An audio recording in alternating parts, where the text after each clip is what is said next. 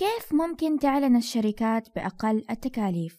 أهلا في الحلقة 27 من بودكاست نورة تدون واللي بيركز على التسويق والإدارة. فيلم باتمان الخاص بالمخرج تيم بورتون عام 1989 ميلادي كان من أهم أخبار السينما في بريطانيا. كان وقتها في بطولة للتنس بطولة ويمبلدون للتنس ودايما قناة BBC TV بتغطي البطولة. هذه القناة بتديرها الدولة وما تقبل فيها أي إعلانات.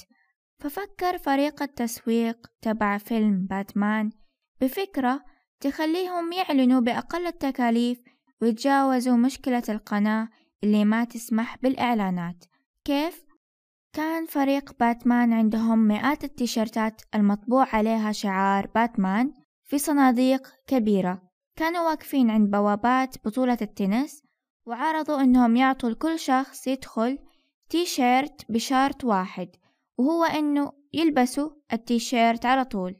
ولأنه مجانا والناس تحب الحاجات المجانية وافقوا على إنهم يلبسوا التي شيرت كانت القناة بتغطي المباراة ومركزة على الكورة وكانت بتصور ردة فعل الجمهور. فكان الجمهور كلهم لابسين التيشيرت بشعار باتمان.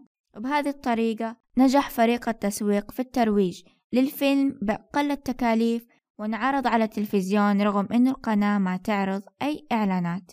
وهذا مثال على ال guerrilla marketing. طيب إيش هو ال guerrilla marketing؟ معناه تسويق حرب العصابات ويهدف إلى مفاجأة المستهلكين وترك انطباع لا ينسى بأقل التكاليف. يعتمد هذا النوع من التسويق على الخيال والإبداع.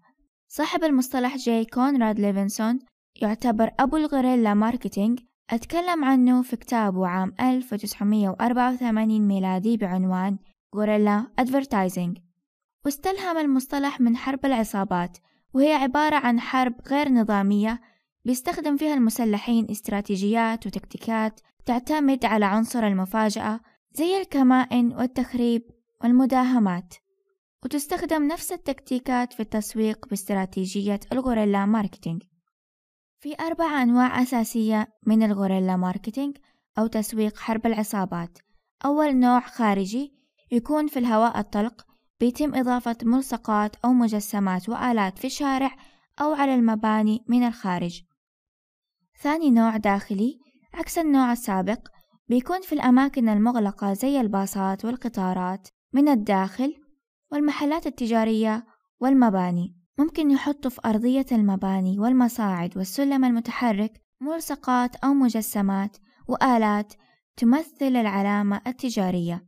ثالث نوع نصب الكمين في الأحداث مثل فيلم باتمان اللي ذكرته في بداية الحلقة.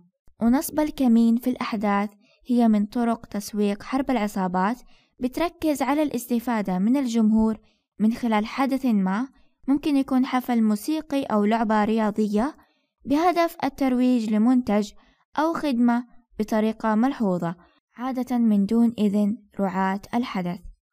رابع وآخر نوع هو التجريب. عبارة عن كل الأنواع السابقة ولكن بيتم تنفيذه بطريقة تتطلب من الجمهور التفاعل مع العلامة التجارية وتجربتها. على سبيل المثال شركة زجاج غير قابل للكسر ومخصص للحماية فكروا إنهم يستخدموا هذا النوع من التسويق بطريقة جذابة.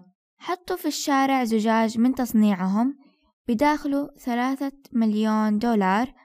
تحدوا الجمهور أنه أي أحد يكسره يقدر يأخذ المبلغ.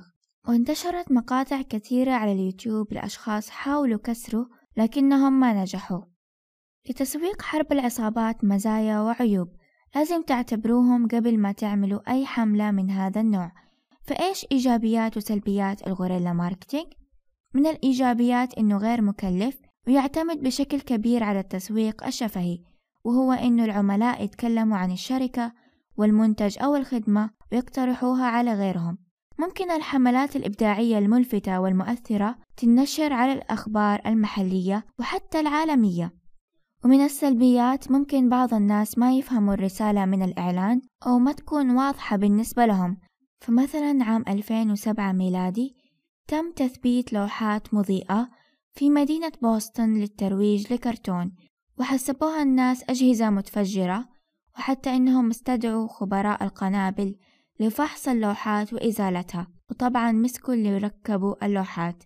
وتم تغطية هذا الخبر في كل أنحاء أمريكا.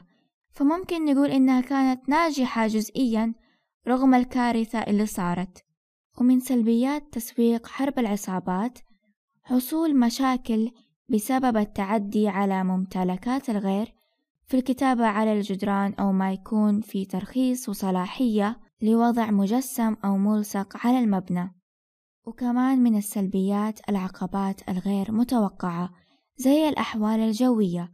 ممكن تأثر على إجراءات الخطة إذا كان التسويق المستخدم خارجي في الشارع. إذا حابين تعرفوا أكثر وتشوفوا أمثلة أكثر لل guerrilla marketing زوروا مدونتي Noura Blogs dot blog. لا تنسوا تعملوا like واشتراك في قناتي ومشاركة الحلقة. شكرا لكم.